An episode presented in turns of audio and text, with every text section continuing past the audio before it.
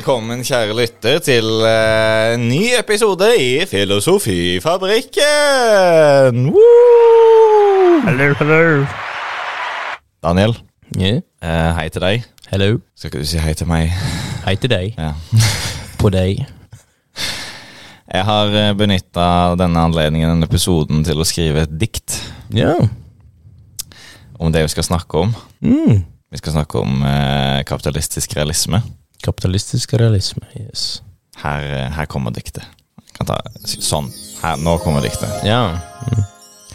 Kapitalisme, type realistisk, er ikke det litt pessimistisk? Å tenke at eiendom og kapital har eksistens som er basal. Hva om det kun er et slott type luft? Kan det da tenkes vekk med sunn fornuft? Er det kun en av mange sosiale konstruksjoner, eller er kapitalismen mynter og kroner? Det var fint, det. Ja, det var det. Det var det. Skal vi ta sånn?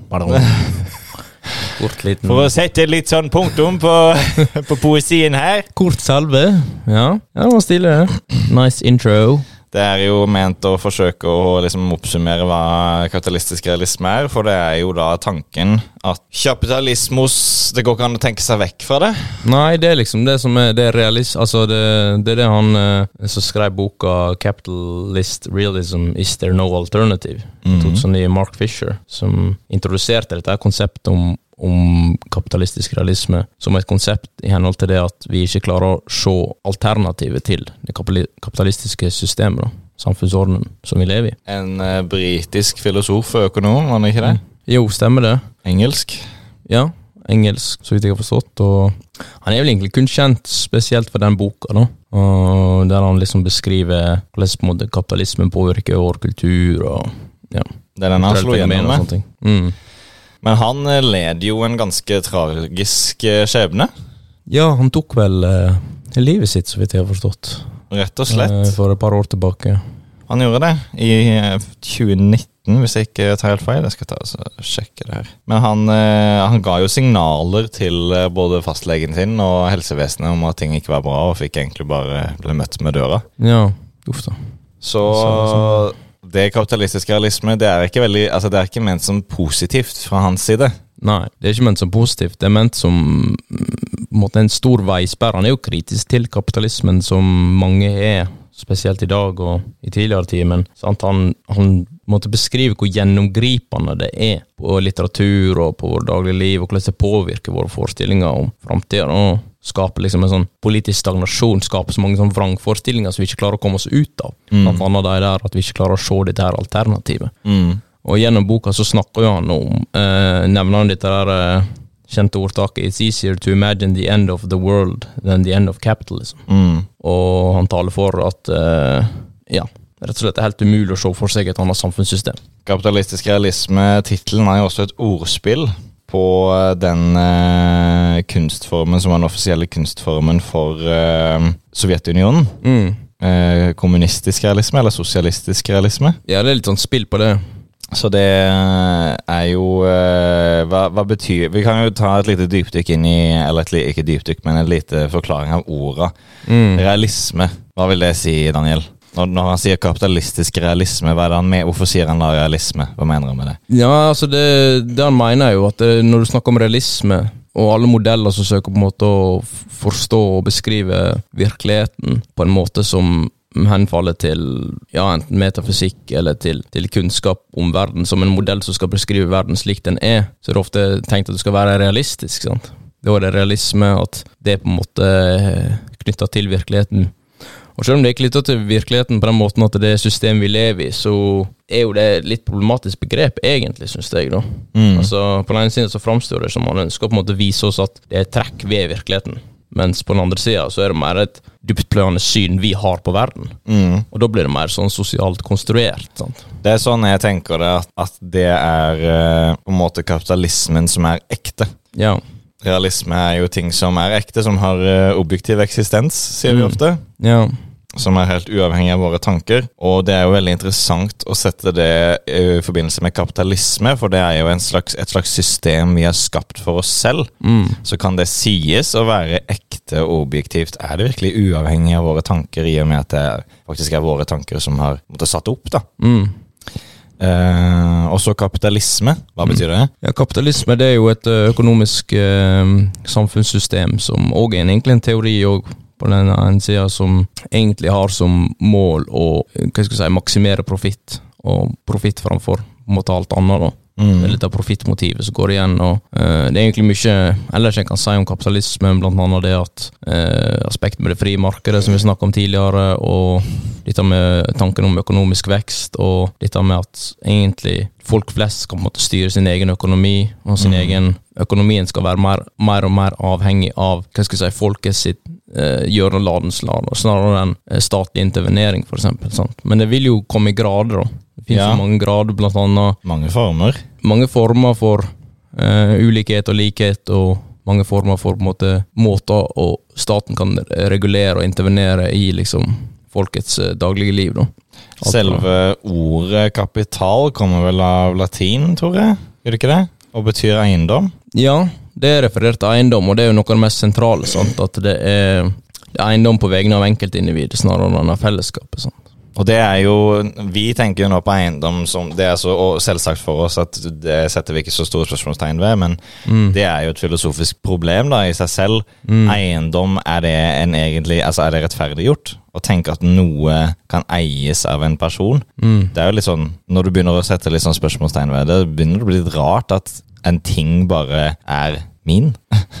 Ja, det er liksom en ting bare min, men vi synes det kanskje Vi kan skjønne at det kan være litt rart når vi tenker på et hus, eksempel. Når vi ser folk som går på gata hjemløse, eller en eh, kapitalist eier et teltkompleks, eller et leilighetskompleks, eller sånne ting, så begynner eierskap å bli veldig tydelig, kanskje litt problematisk. Men når du snakker om andre former for eierskap, det finnes jo eierskap eh, i henhold til personlig eiendeler, og det er jo ikke så Der er ikke vi så nøye med. Vi skal jo fortsatt kanskje eie våre egne sko og tannbørsten og sånne ting. Mm. Så det er jo sånn klassisk sånn banal kritikk av eh, kommunismen, at eh, alle ser for seg eh, at de skal gå rundt i joggedress og jobbe på fabrikken, og ikke tjene til livets opphold, vi skal ikke eie vår egen Folk skal ta for, fra oss tannbørsten og huset og alt vi eier. Ja. Men det er jo feil, for det er jo, det er jo eiendeler, det er ikke Ja. eiendom. ja, ok. Så eiendeler og eiendom, det er to forskjellige Ja, vi kan trekke en strek mellom de. Privat eierskap og personlig eiendom. Det er liksom det som er den store streken jeg må eh, trekke her. Du skal jo fortsatt eie tannbørsten din, altså. Er merkelig hvis du ikke Kroppen din skal du jo eie. Kroppen din skal du eie. Sånn. Og det med eiendeler og eiendom, det er jo ikke noe som er begrenset til menneskeheten. Dyr har jo territorier som de markerer som sine og beskytter de, og det gir de jo en fordel å ha det territoriet. Det er jo strategisk. Ja, så fugler bygger reir, og, og hunder tisser rundt territoriet, og bevere bygger dammer. Sant? Så det finnes mange eksempler i dyreriket på former for uh, erverving av et eller annet form for materiell eller Mm. uh, område. da. Avgrenset område, som hø, altså en uh, bjørn som bor i tid, eksempel. Altså, det er jo en slags form for bolig. Mer eiendom gir jo ofte tilgang til mer ressurser. ja. Jeg tenker på beveren spesielt. Mm, Den er jo, det er jo det dyret som har størst inngripen i naturen etter mennesket. mm. Det er klart vi har ganske dramatisk større inngrep. Ja, ja. Men eh, det er jo eh, Den tar jo kontroll over en og lager en liten beverdam. Mm. Og der får den jo tilgang til de ressursene den trenger. Ja, så det er jo en måte å erverve liksom, Det vi kan se på det da, som en slags form for mer eh, proto, proto-eierskap, da. Eller proto-eiendeler. Mm. At en søker Det handler litt mer om overlevelse, ikke sant. Det er litt mer tettere på naturen, og det handler Mm. mer om å, å samle og, og ruste seg til framtida, harde vintre, sånn. Mm. sånne ting. Eh, Ekorn gjør jo det. Ekorn gjør blant annet det. Sant? Gjemme vekk eh, nøttene. Stapper kinna fulle av dette. Så går de, Har du sett når de går med sånn fulle kinn? Ja, ja. Kinnet, altså Hodet er jo like stort som kroppen. Det. Ja. Skikkelig oppblåst eh, skalle der. og Så det er jo eh, overlevelse, og det er liksom Når vi snakker om at eh, dyr også gjør det, så er det litt viktig å tenke på at ja, de gjør det, det er interessant det, men de har jo ikke noe valg. Nei. Ekornet kan velge å samle inn masse ting og få litt eiendeler og eiendom, eller dø. Mm. Det er liksom det valgen har. Mens en, eh, en eh, Vi mennesker vi trenger jo også husly. Vi trenger tak over hodet. Ja. eh, Men vi trenger ikke yacht. Nei, vi trenger jo egentlig ikke Når du begynner med det Det er jo alltid litt vanskelig med dette der nødvendighet versus ønsker, på en måte. Mm. Trenger vi egentlig kjøleskap? Altså, det er i hvert fall veldig nyttig. Så Veldig beleilig. det er veldig beleilig og Digg med kjøleskap, ass. digg med kjøleskap. Så den ismaskinen aldri funker. Eh, det er liksom Og touchscreen går i stykker, for jeg slo knyttneven i, det var så sent. Det var så Det var ikke noe brus i kjøleskapet. Det var jo helt tom. Men tilbake til realisme kapitalistisk. Ja. Eller Nei, så- motsatt kapitalistisk realisme. Ja, nei, så han beskriver jo Det som irriterer meg, at han beskriver nærmest som at det har blitt så inngripende at det har blitt et trekk ved virkeligheten. Altså Han går så langt at han går til ontologisk nivå, bruker det det er begrepet. jo sterk påstand. Ja, det er ganske sterkt, og han, han har jo begrepet business ontology, eller forretningsontologi, eller hvordan du oversetter det, på en måte, i henhold til at eh, blant annet det at vi, vi ønsker å markedsgjøre og være omforme en del av samfunnet, sant? for eksempel til og med privat eller offentlig sektor, sant? med Ja. MPM Mm. og alt dette der, og, og alt blir liksom gjenstand Alt skal bli business, Alt blir business business. minded. Alt er liksom business-minded. Det var jo det premisset godeste Trumperen ble valgt inn på i 2016. Mm. We need a businessman to get this country back on track. Ja, det var det han ble, han ble valgt som. Inn i at han var liksom, eh, kom fra utsida, at han var mer effektiv, han var mer opp og fram. Og, sant? Get stuff done. Yeah. Altså, Drain the swamp. drain the swamp. Drain the swamp. Men ja. Og eh, det er jo et ord som brukes i businessverdenen veldig mye. Og særlig i politikken som gjøres til business. Effektivitet. ja. Alt skal effektiviseres. Mm. Det skal effektiviseres. Og hva betyr det i praksis? Det betyr jo nedbemanning. Det betyr nedbemanning, og det betyr òg mye andre ting, som for eksempel eh, eh, nye busstopp og holdeplasser som blir uh, effektivisert og bygd nytt. De har jo benker som du knapt kan sitte på, og, og, fordi du skal, bare, du skal bare lene deg fort inntil, og så skal du kjapt ut igjen. Sant? Altså Du skal ikke sitte der og kule den.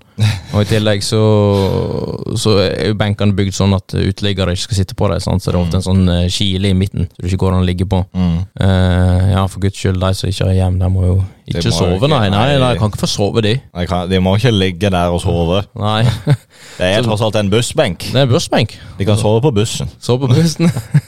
Så mer tenker over det, mer banalt virker det egentlig. sant? Altså Det har irritert meg grunnen etter at jeg ikke kan sitte. Sette meg ned, ta det med ro. Ofte må du vente på bussen i en halvtime. Mm. Er Ikke alltid den går, kommer ikke hvert minutt nødvendigvis på alle plasser. Altså. så det er litt sånn dårlig løsning, syns jeg, at vi skal effektivisere bare for å effektivisere. Det neste blir- steget er at du kommer benker Ja. som har pigger i seg. I Ja. setene.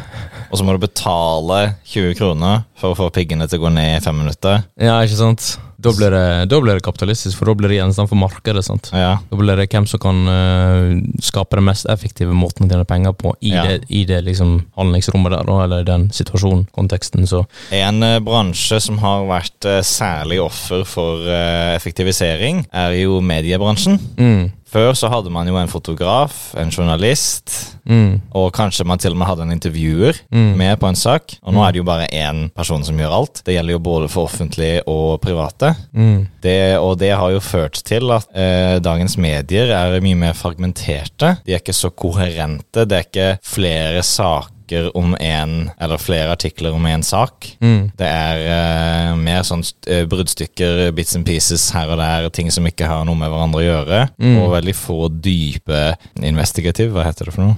Undersøkende journalistikk. ja. Dyptpløyende, undersøkende journalistikk. Det er jo litt uh, mer enn litt dumt.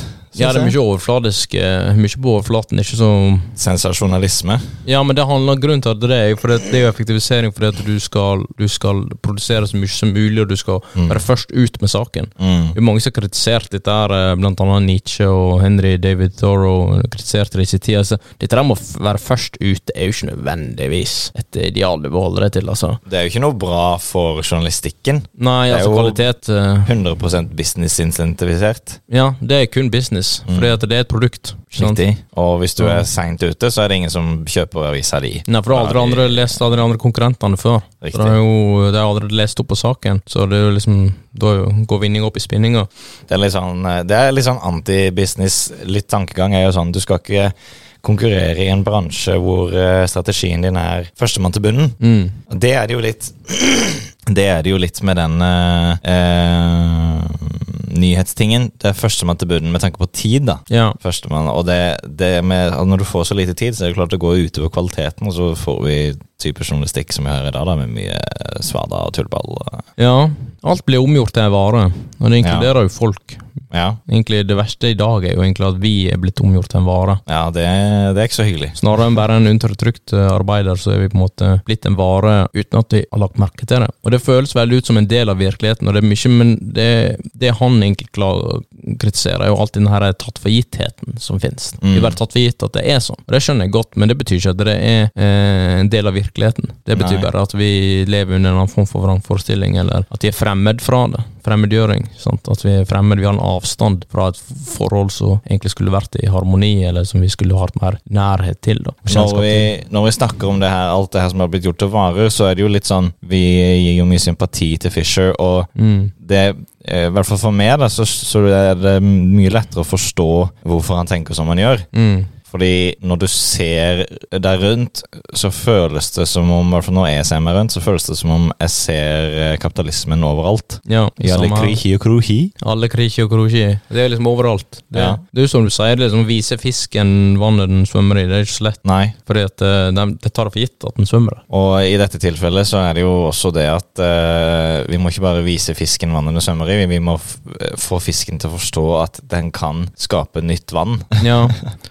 ja, for det er liksom folk Hvordan skal jeg rømme unna system? Du kan ikke bare hoppe ut vinduet og se ut av et nytt økonomisk system. akkurat Du er liksom fortsatt i kapitalismen uansett hvor du går. Alle land er jo i veldig stor grad, eller egentlig bare kapitalistiske, mer eller Mm. mindre. Så, Mm. Men boka heter jo 'Capitalist Realism Is There No Alternative'.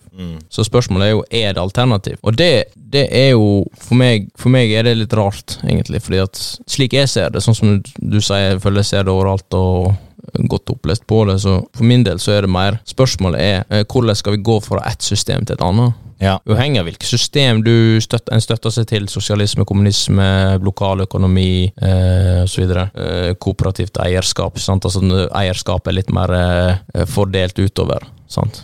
Og, Ja. og, og delt mellom mennesker, snarere enn erverva hos en enkelt person, en enkelt kapitalist, sant? som leier ut resten og holder boliger gissel og sånne ting. Så mitt, min spil er mer det der hvordan går vi fra ett system uten et annet, uten å unødig, unødig liksom, at vinninga går opp i spinninga i prosessen, da, at vi skaper en revolusjon, og blir systemsvikt som vi ikke kan komme oss ut av. Det er mer den stilen. Hvordan, hvordan klarer en å overbevise andre at vi trenger et nytt system? Jeg har lyst til å trekke inn en eh, hendelse, historisk hendelse som ikke skjedde for så veldig lenge siden. 2011, Ja. fra september til november i New York, så var det jo Occupy Wall Street. Ja, den klassen. Ja, den der, ja. Mm. Og der talte jo eh, en filosof vi har nevnt et par ganger, Zizek. Mm. Og han spurte protesterende, protest, protest, protestantene, Mm. hva skjer i morgen? Si at uh, dere vinner. Mm. Hva skjer i morgen? Mm. Og det er jo den samme utfordringen som Fischer stiller. Hva, ok, greit, vi som ikke vil ha dette systemet, vi vinner. Men hva skjer da? Hva, Ja. Hvilket system er det vi erstatter det med? Du må ha et system i forkant, ikke sant? Mm. Og det er det som er utfordringen, for jeg tenker på det sjøl. Det, det er litt vanskelig å sno seg unna noe man er så vant til, og som er liksom så grunnleggende for ens eksistens. Ja, det er så Du sier grunnleggende, altså det er så Jeg, jeg liker å bruke dyptpløyene. Ja, det er så ja. dyptgående i vår, våre liv at vi Til og med jeg som tenker på dette hele tida, er ikke klar over hvor mye det påvirker meg. Det setter dype spor uten at vi ser det. Ja. jeg går likevel i fella. Sånn, så Musefella. Musfeller. Store kapitalistiske musfeller. Den osten, den er så eh, Jarlsberg, vet du. Den lukter jo så godt. Lukter jo så godt. altså Du, du kan ikke Can't help it. Ja. I be part of the system, som Marx sa. sant? Altså, du kan ikke, kan ikke gjøre noe for det. Du er bare del av systemet. Enten du er mor som handler med kidsa på på et kjøpesenter på en lørdagskveld, eller um, at du, du går på butikken, eller at du handler klær, eller at du må ta buss og betale på bussen. Eller ansette barnevakt eller privatlærer eller Alt sånne ting. altså du, du er liksom avhengig av et system som du ikke ønsker å være avhengig av. Men du må jo være avhengig av noe. altså Systemet har jo noe som du kan Som du nevnte, husly. altså Jeg tenker jo veldig fort på den Maslows eh, behovspyramide, der at alle de behovene vi har Mm. sant? Behov for tilhørighet, behov for uh, å være en del av noe større enn oss sjøl, behov for sant? materiell gevinst, materiell vinst og Selvrealisering helt på toppen. selvrealisering, som aldri når. Et evig jag. Et evig jag. Så ethvert system som på en måte ønsker å erstatte kapitalismen, f.eks. sosialisme, som jeg er veldig tilhenger av, må jo vise at vi kan komme lenger opp på den pyramiden mot den selvrealiseringstoppen som du snakker om. Lenger Ja. opp på pyramiden. For nå, kapitalismen, problemet med kapitalismen er at den holder oss nede på de to nederste trinnene. Ja, og den, eh, den er veldig flink på å vareomgjøre ting. Ja. Men den eh, garanterer ikke at de varene blir til goder for Nei. alle. Så den er på en måte flink på å bygge masse, masse hus. Mm. Men den er ikke flink på å gi husly til folk, Nei. hvis du skjønner. Ja. Uh, for det, det er ikke poenget. Poenget er å tjene penger. Mm. Poenget er profitt. Pro- Altså, det er det vi er drevet av, da. Jeg har et spørsmål, Daniel. Mm. Har du noen gang satt deg ned og prøvd å tenke ut et nytt system? Ja. Ja, du har det? Ja, jeg sitter og tenker på det hele tida. Ja. Det er aldri kødda. det. Sitter, hver gang jeg sitter på do, så prøver jeg å Det trykke. er tårnet sida. Så tenker jeg å trykker. Ja, trenger å trykke trykke på. Nei, altså det er jo Det er det er, mange, det er veldig mange forslag til nye system. ikke sant? Det er jo selvfølgelig sosialisme, kommunisme, klassisk stilen. Men det er jo òg f.eks. dette der med fokuset som Marx hadde, og det vi snakka om i stad, dette med eierskap. sant? Kooperativt eierskap er ett system. Eller at vi går over til en mer lokal økonomi. Mm. Der eh, det er mer lokalstyrt. Sånn type Aten er mer sånn desentralisert, ikke sant? som vi har snakket om tidligere. Og liksom der Aten for eksempel i antikken var mindre, det var lettere å holde styr på ting, det var lettere å delegere. Det ble mer effektivt på lokalt nivå uten at det ba offer for eh, kvalitetssikring. da. Mm. Og det er jo en, men da blir jo vi selvfølgelig mer isolerte, og dette med eierskap, kooperativt eierskap, det søker å fikse det ene problemet. Ja, det er riktignok det viktigste problemet, men det er bare ett av problemene. Mm. Det er hovedproblemet. Mm. Og kun fikse det alene er liksom ikke tilstrekkelig. da. Nei. Så sosialismen er nok mer holdbar egentlig uh, enda, men problemet, det som jeg sitter og tenker på når jeg sitter på dass eller andre plasser, er jo er jo egentlig hvordan skal du gå fra ett system til et annet, og det snakker folk litt for lite om. Ja, den overgangsfasen. Overgangsfasen. Og det som er viktig, det blir jo Spørsmålet er jo egentlig mange som koker ned til både økonomer, filosofer osv. er jo dette med det, enten det vi trenger er en reform, å fikse systemet, eller en revolusjon. Mm. Sant? I den skandinaviske modellen, altså Norge, Sverige videre, Danmark. og det også, eh, så har jo vi Jeg glemte hva det landet het, litt, lenger der. Det der i sør. Ja, det er, så, det er så lite. Så, men men Pannekakelandet. Pannekakelandet. Ja. Fladd. Så de har jo Eller vi har jo den skandinaviske modellen som er sosialt sosialdemokrati. Mm. Og i veldig korte trekk når det gjelder kapitalisme, altså vi er fortsatt kapitalistiske, men sosialdemokrati nøyer seg på en måte med å rydde vekk noe av rotet og problemer med kapitalismen, men lar det meste ligge. Mm. Men sosialismen ønsker et helt nytt system. Mm. Det er det, sosial, det er erstatte ett system med et annet. Sant? Eh, For vi prøvde jo det, og mange land prøvde jo det å endre det, men vi, vi har jo for lengst tapt den kampen. Vi prøvde. Det går jo selvfølgelig an å prøve igjen, men eh, nå må vi prøve på en smartere måte. Mm. Blant annet, vi må vise hvordan det neste systemet må bli, Mm. og vi må bygge det på det kapitalistiske systemet. Mm. Vi kan ikke gå fra føydalisme til eh, kommunisme, akkurat. Du må, eh, for eksempel, altså du må ha Det må være en, en myk, realistisk, eh, troverdig overgang. Ja, og det sånn som Marx kartlegger, for eksempel, er jo det at du må ha kapitalismen først. Ja. Han kritiserte jo sosialdemokratene i, eh, i Tyskland på sin tid fordi at de hadde misforstått fullstendig. Ja, okay. Så han sjøl gikk jo litt vekk fra det. Jeg tror i slutten av hans liv så var ikke han helt sikker på om faktisk revolusjon var mulig. De forstår ingentingen! Men ja, forstår ingenting.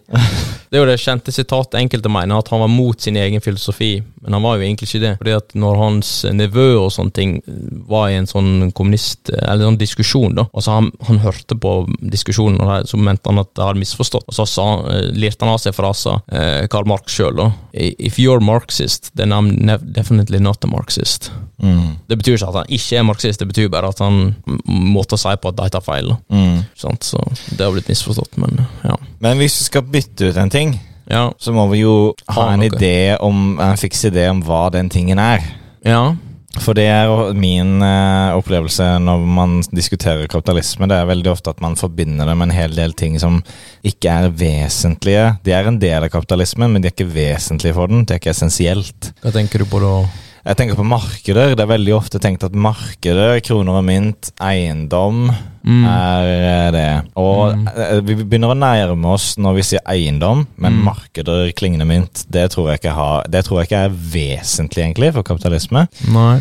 Eh, for Hvis du skal bytte ut en trekant, Mm. se- fordi vi sier jeg liker ikke denne trekanten, det er så, den er så skarp i kantene. da." Altfor mange kanter. så begynner du, bytter du til en avrunda trekant, Ja. og så nærmer du deg en sirkel. Triangel, altså. Ja. Ja. ja, sånn, ja. Ikke sant? Så, men vi, da vet vi hva den trekanten er, og det, det ønsker jeg å gjøre med kapitalisme. Og jeg tror at eh, den tidligere greske finansministeren av alle, Janis Varoufakis, professor, eh, som var eh, finansminister under den greske våren, og de gjorde et eh, lite opprør som imploderte fullstendig eh, mot eh, EU Mm. og troika, Mm. så sa, har han siden holdt et foredrag hvor han legger kapitalismens essens i Hold deg fast aksjer. Han forteller om det første aksjeselskapet som ble opprettet av noen nederlendere. Mm. West Dutch India Nei, Dutch West India Trading Company. Mm. Etterfulgt ganske snapt av eh, britene British East India Trading Company. Mm. Hvor det er de første historiske hendelsene av verdipapirer. Mm. Altså- mm. Aksjer, Mm. papirer som du eier, som Mm. beskriver at du har en del, en eiendel av dette selskapet som er delt opp i Mm. 8 eller 16 eller 20 eller hva det måtte være. Mm. Og den eh, Det er klart De forretningene var jo ikke helt som vi tenker i dag. Altså, det var jo blanding av business og militær. Mm. Men det som er utvilsomt, er jo at de første selskapene, aksjeselskapene, hadde jo helt Bare den eierformen hadde en så voldsom slagkraft. Mm. For de la jo hele India under seg, de selskapene. Mm. De var jo under det britiske imperiet, ja, men bare via de aksjeselskapene. Mm. Og jeg korrigerer meg hvis jeg tar feil, men jeg, jeg tror det var sånn at eh, kronen faktisk slet litt med å få de eh, kapitalistene, altså de som eide aksjene, Mm. til å eh, gjøre som kronen ville. Mm. Stemmer det. For det hadde fått eh, nærmest monarkisk makt. Ja. Eh, men det du sier, du sier aksjeselskap, og det er jo riktig, helt riktig historisk. Eh, det er egentlig ikke der det hele begynte, men det som er riktig, det du sier, er jo blant annet det med Du sa selskap. Mm. sant? Corporations, companies. Mm. Sånn her, eh, og i ettertid, corporations, companies, de begrepene ble oppfunnet. Det Mm. fantes jo ikke før. Mm. Det var ikke noe som het det før, det var ingenting. Så det var første selskapet. At det ble organisert på en måte som du sier, ja, til å begynne med så var det litt militært. Mm. Sant? For det du skal på en måte erverve seg rikdom, og måten du gjorde på før, akkurat sånn som med tidligere kongedømme og sånne ting, er jo at du gjorde det med makt. Ja. Sant? Tar over India. Tar over eh, kjøper slaver i, i Afrika, ikke sant? Så Det er en surefire way of forget what you want. Ja, det er surefire det, da. Så vi er jo det i moderne tider òg, selvfølgelig. Ja, og det som er eh, Det som er min observasjon, da, Mm. ut ifra dette, det er at det aksjer gjør, Mm. Det er at de deler opp arbeidet og arbeidets produkt. Ja. For naturlig før det, f.eks. i eh, jeger- og samfunn, sankersamfunnet, hvis det var du som gikk ut av Sankten og bær og jakta et rådyr, så var det også du som tok med det med deg hjem. ja. Tenker du føydaltida nå, eller sånn? Eller du sa og jeger og sanker? Ja, jeger og sanker, og så føydaltida også, hvis du er bonde. Hvis du, du høster som du sår, sier man. ja. Men det aksjer gjør, Mm. det er at man ansetter folk som gjør arbeidet. Mm. Og så er det den som sitter med aksjene, som eier produktet av det arbeidet. Mm. Og så blir arbeideren kompensert med lønn. Men hva er en aksje? En aksje er et verdipapir som eh, Det er liksom eh, selskapets bestanddel. Ja, bestanddel, ja. For hvis du kjøper en aksje, hva er det du egentlig kjøper, da? Altså Utenom verdipapir, altså Så hvis du kjøper en aksje eh, Hvis en, et selskap er delt opp i aksjer, et aksjeselskap er delt opp i aksjer, x Ja. antall aksjer, det er helt uh, trivielt uh, hvor mange. Ja, ja. La oss si 50. ja. Så hvis uh, da jeg eier eh, 50% av det selskapets aksjer, så eier jeg hele selskapet. Mm. Og så kan jeg tiltrekke meg investorer Mm. ved å selge ut disse aksjene. Altså rett og slett på en måte selge en del av eierskapet Mm. mot at de da gir meg penger, sånn at jeg kan begynne å gjøre det arbeidet som jeg vil at dette selskapet skal gjøre, og så skal profitt, og så får de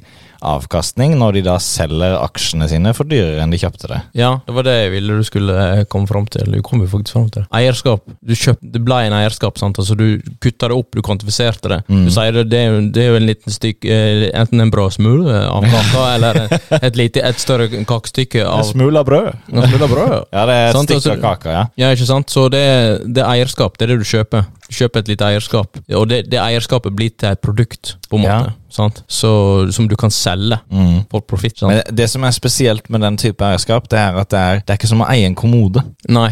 Når du eier en kommode, så har du en ting, du har et produkt, og det, det er liksom greit. Men å eie aksjer, Mm. det er å eie produkt av arbeid. Ja. Av eventuelt arbeid. Nettopp. Ja. Uten å ha ført det arbeidet sjøl, Riktig. ikke sant? Det er veldig Det er det som er veldig spesielt. Det er der det begynte, så det er derfor jeg ville at uh, dette med aksjer sant?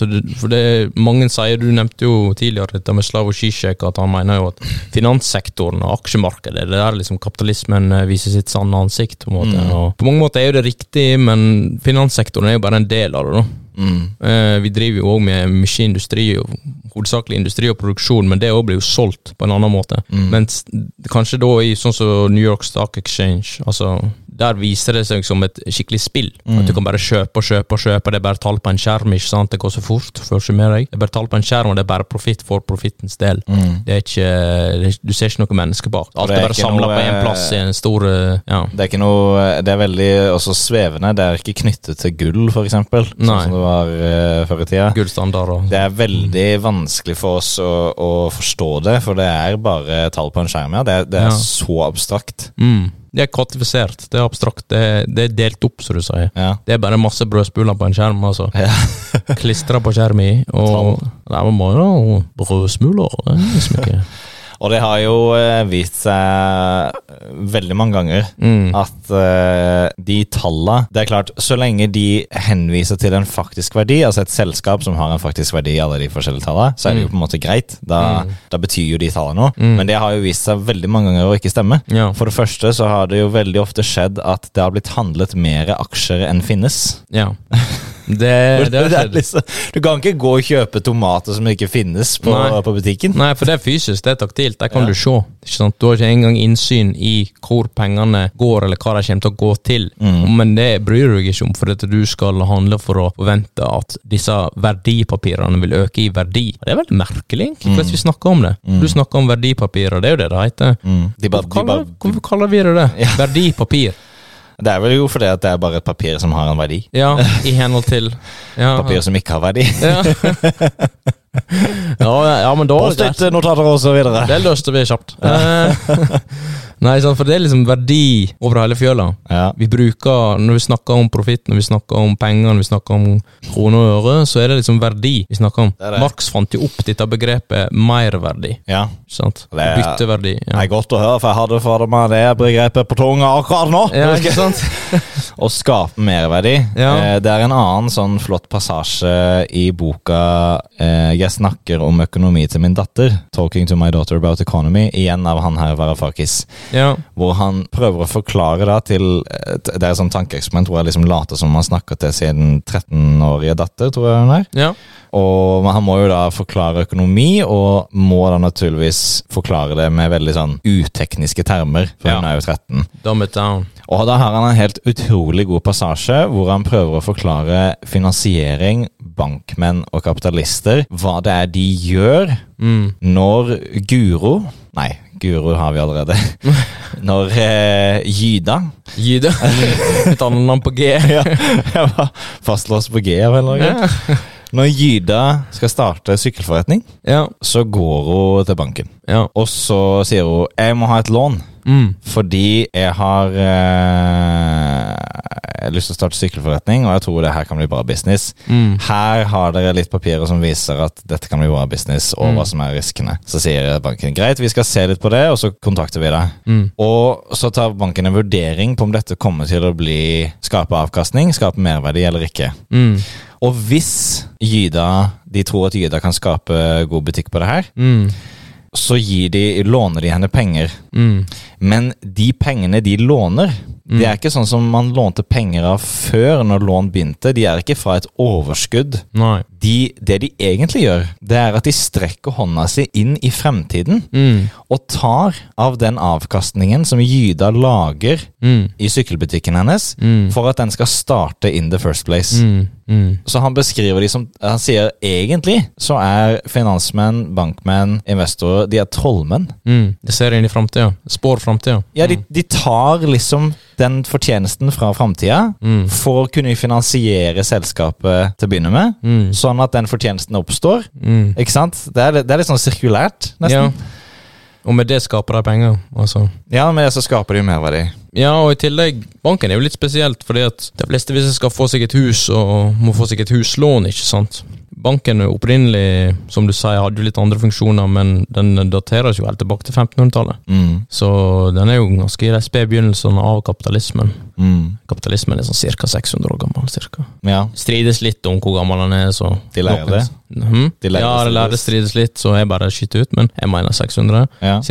grovt regna. Men, og da begynte jo det bank bankvirksomhetene og sånne ting, men samtidig, bankvirksomhetene måtte jo ha en grunn til å gi folk lån. Mm. Enten det er bedrift, som du sier, ta penger i framtida og den slags ting, men de måtte jo ha et slags produkt imellom. Mm. Så det var, det var egentlig bolig, hus. Mm. Mm. Sant? Vi må ha et produkt imellom. Vi selger deg egentlig et hus, Ja, på en måte. ja. Det er produktet vårt, egentlig. Vi bygger ikke huset. Nei. Vi har ikke gjort Vi, vi rører ikke en finger, men vi gir deg pengene til at du kan gjøre det sjøl. Og så lar vi deg betale over tid, men du må betale mer enn det vi har gitt deg. Mm. Og sånn tjener vi penger. Sånn tjener du penger. Så det er produkt imellom. Så hvem eier egentlig huset? Du har jo sett i USA, for eksempel, når uh, leietakere, eller ikke leietakere, men de som eier huset sine De sier jo eie. Vi sa jo det i stad òg. Eie.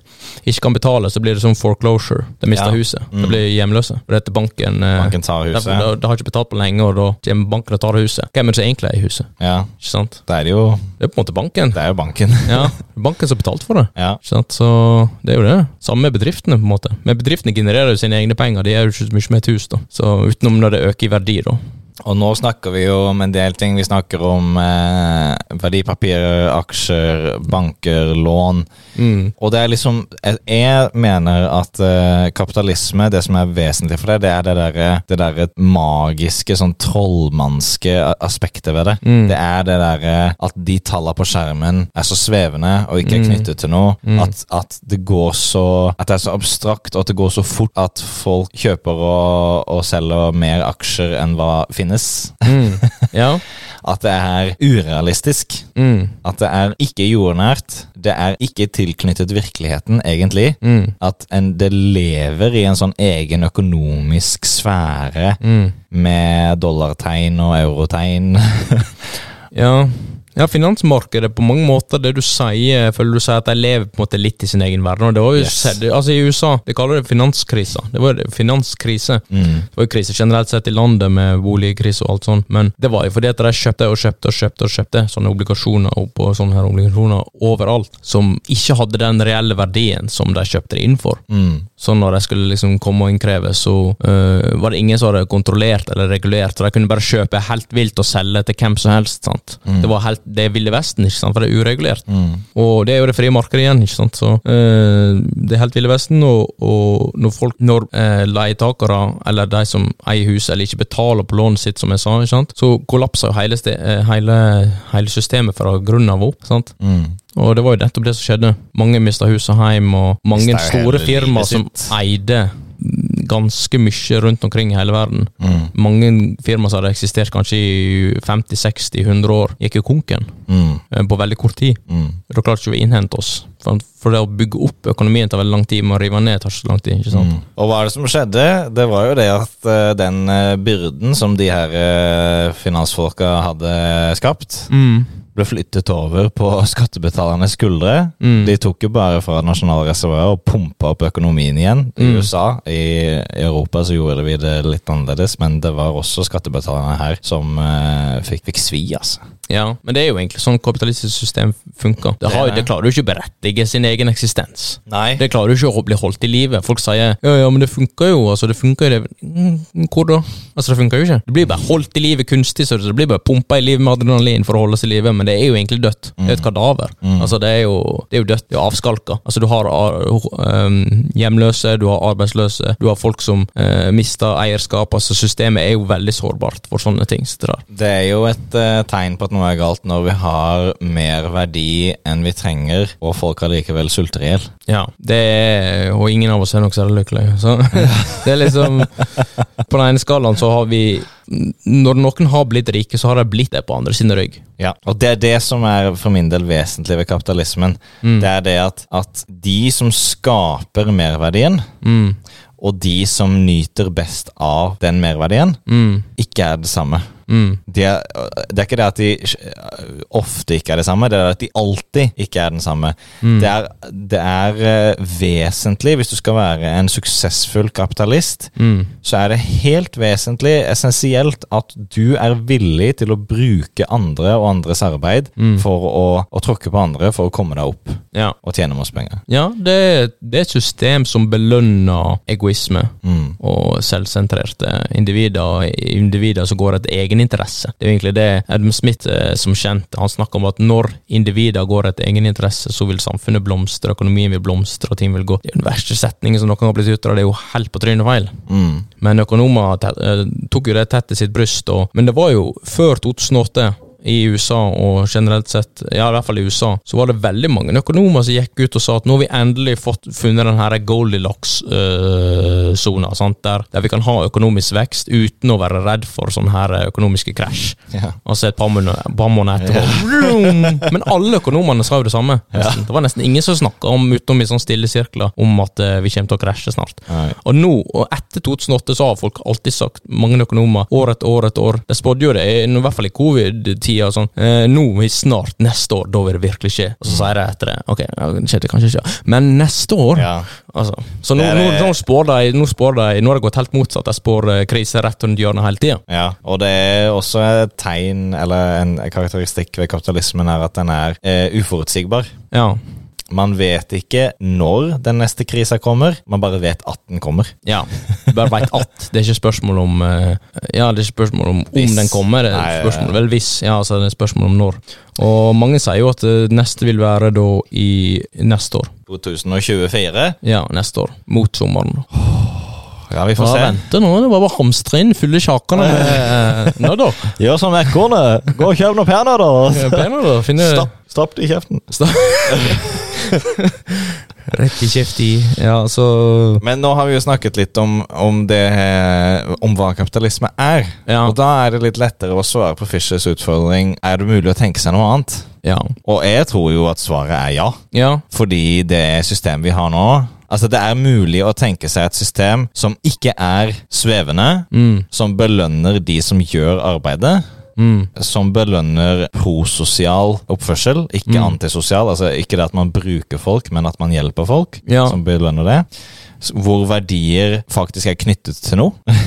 at det er mer realistisk. Ja, det skal ikke være et uregulert system som belønner egeninteresse. For egeninteresse for egeninteressens del går ingen vei. Det er jo helt Texas. Du får en meningsløs riking på toppen, og så får du mange andre undertrykte arbeidere under. Altså, det er sånn systemet er bygd opp. Men når det er sagt, så bør du fortsatt ha penger. Så når folk snakker om at Marx eh, tok til orde for et eh, pengeløst samfunn, og et klasseløst samfunn, og et eh, statsløst samfunn, Mm. Eh, så var jo ikke helt det han mente. Det er nå én sak, men når folk hører disse, disse tre, så tenker jeg klasseløst. Det høres veldig fint ut. Ja. Ja. Kult, kult, kult. Men pengeløst? Nei.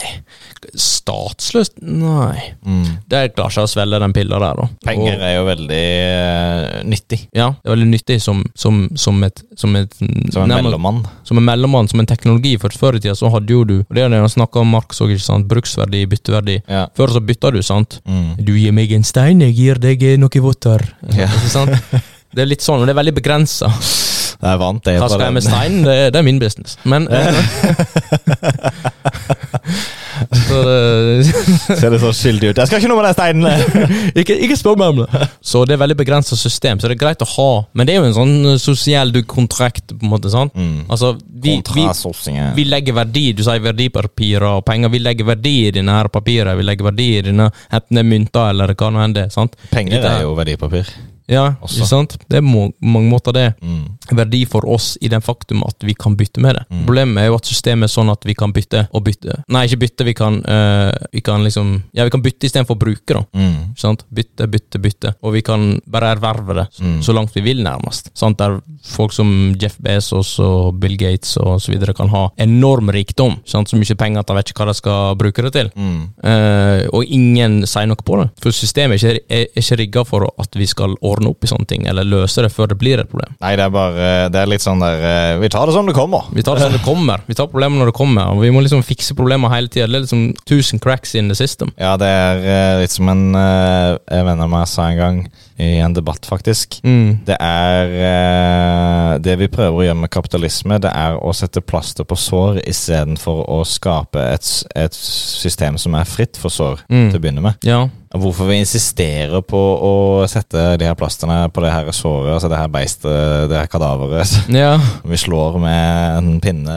Pumper det full av adrenalin og plastrer alle kroker akkurat. Ja. Så det er jo dette med eierskap, og så er det dette med erstatte et system med et annet. Det er ikke så lett, men det er mulig. Jeg Mm. kan fint se det for meg. Men det vil jo kreve en revolusjon, da. Men eh, det, de vil dessverre det. Det Det er er jo det. en revolusjon, for en revolusjon er jo, ligger jo litt i ordet revolve. Altså, du, du gjør om på ting. Så du opp ned på ting. nå. Bytter ut, sant. Erstatter et eller annet med et annet. Det, det skjer ikke knirkefritt. Det skjer ikke på to uker, liksom. Kanskje knips, og så har du sosialisme, liksom. Så. Nei, det er jo ikke det. Og det, det kan jo være litt dramatisk også revolusjonen. Det må jo ikke være det, da. Nei. Det, er jo bare no, du bytter ut noe med noe annet. Og så har det i historien vært folk som ikke har lyst til å bytte det ut, for Mm. de sitter ofte på makta. Det er Ja. grunnen til at de ikke vil bytte det ut også. Mm. Til slutt, for å igjen prøve å svare på Fischers utfordring, så har jeg lyst til å trekke opp et eksempel igjen fra han her over Falkestad, den boka. Ja. For det, det finnes et, et, et stammefolk et eller annet sted i verden. Jeg klarer ikke å huske eller finne hvor det er, eh, Mm. men jeg tror de bor på en øy. De har en, hold deg fast, gavebasert økonomi. ja, ikke sant? Ja. Vi Vi har jo en markeds- og byttebasert økonomi, hvor Ja. vi bytter eh, ting mot penger. Mm. Eh, eller bare mot hverandre. Mm. Mens de har en gavebasert økonomi Mm. eh, som fungerer. Mm. Det er det eneste poenget, det er at den fungerer. Jeg skal ikke si at den er eh, mye bedre enn vår, eller noe sånt, men Mm. den fungerer. Og det er ett eksempel på et system som ikke er kapitalisme, Mm. som fungerer. Mm. Så jeg tenker, la oss, eh, la oss sette noen verdier. La oss eh, tenke litt sånn prososialt, eh, og så prøve å bygge ut et system derfra. Ja, det er prososialt, eh, men det er jo òg Systemet er jo òg nødt til å fungere, gjøre mye av det samme, men bare ikke ha alle problemer. Det er jo liksom det vi har lyst til. sant? Vi har lyst til å ha mye av det, alle de samme godene, kanskje litt ekstra mer gode, og ikke alle disse problemene på toppen. Mm. Som, som, som skjer med alle sideeffektene som skjer med systemet. Men, og jeg tror disse gavebaserte systemet som du tenker på, det er òg, Så vidt jeg har hørt om det, at det, det òg er litt sånn strekke fram i framtida. Men litt Ja. sånn eh, I scratch your bike, you scratch mine-type stil. sant? Altså, Hvis jeg hjelper med det her, så kan du forvente deg å få kanskje en gave i framtida. Ja. At du kommer på døra Ja. med, med en stein eller noe annet. Poenget er ikke å si at det er en kandidat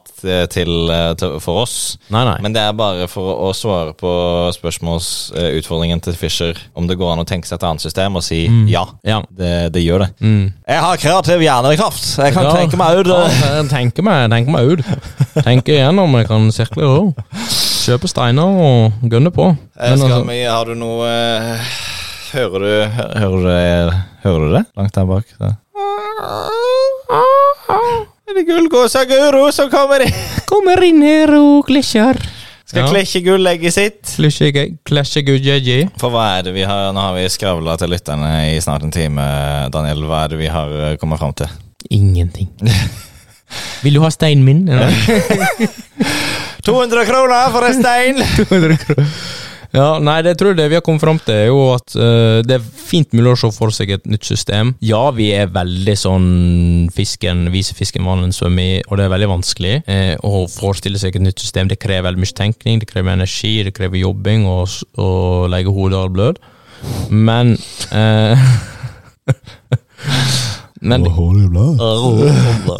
Men, det, det, men mitt, mitt problem er jo hvordan skal vi erstatte et system? Erstatningsprosessen. Overgangen fra ett system til et nytt. Det er veldig vanskelig uten at du Historisk har vi ikke fått det til. Mm. Men vi må jo, som du sier, ha et system på plass som jeg kan erstatte det. Hva skjer i morgen? Sant? Det er vi nødt til å ha. Det, vi, det forsto til og med Marx. Eh, ikke om han sier litt lite om det, men han skjønte det. Og det er det vi er nødt til å ha. Og vi er nødt til å forstå hvordan skal vi gå fra et system til et annet. og Vi må vise omhu. Men vi må òg forstå at det vil kreve en revolusjon hvis vi skal erstatte det. Mm. Vi kan ikke bare reformere. Mm. Vi kan ikke bare reformere. Det er det vi prøver å gjøre hele tida. Plaster på sår-tenkninga, som du sier. Det er reformering. Mm. Sant? På det samme kadaveret som alltid lå der og råtna. Altså, det, var det han sånn kjente youtuberen eh, sa. Capitalism always fights back. Mm. Du kan bare, du kan ikke bare rydde noen av sånn som sosialdemokrati, du kan ikke bare rydde noen av problemene. It always fights back. Mm. Du må erstatte det fullstendig. Ellers så kommer det til å kjempe tilbake. Det kommer til å kvele de sosiale tiltakene vi har. Mm. Og, og gjøre det til en vare. New public management osv. Sånn at effektivisere opp og fram, bare for å være opp og fram. Mm.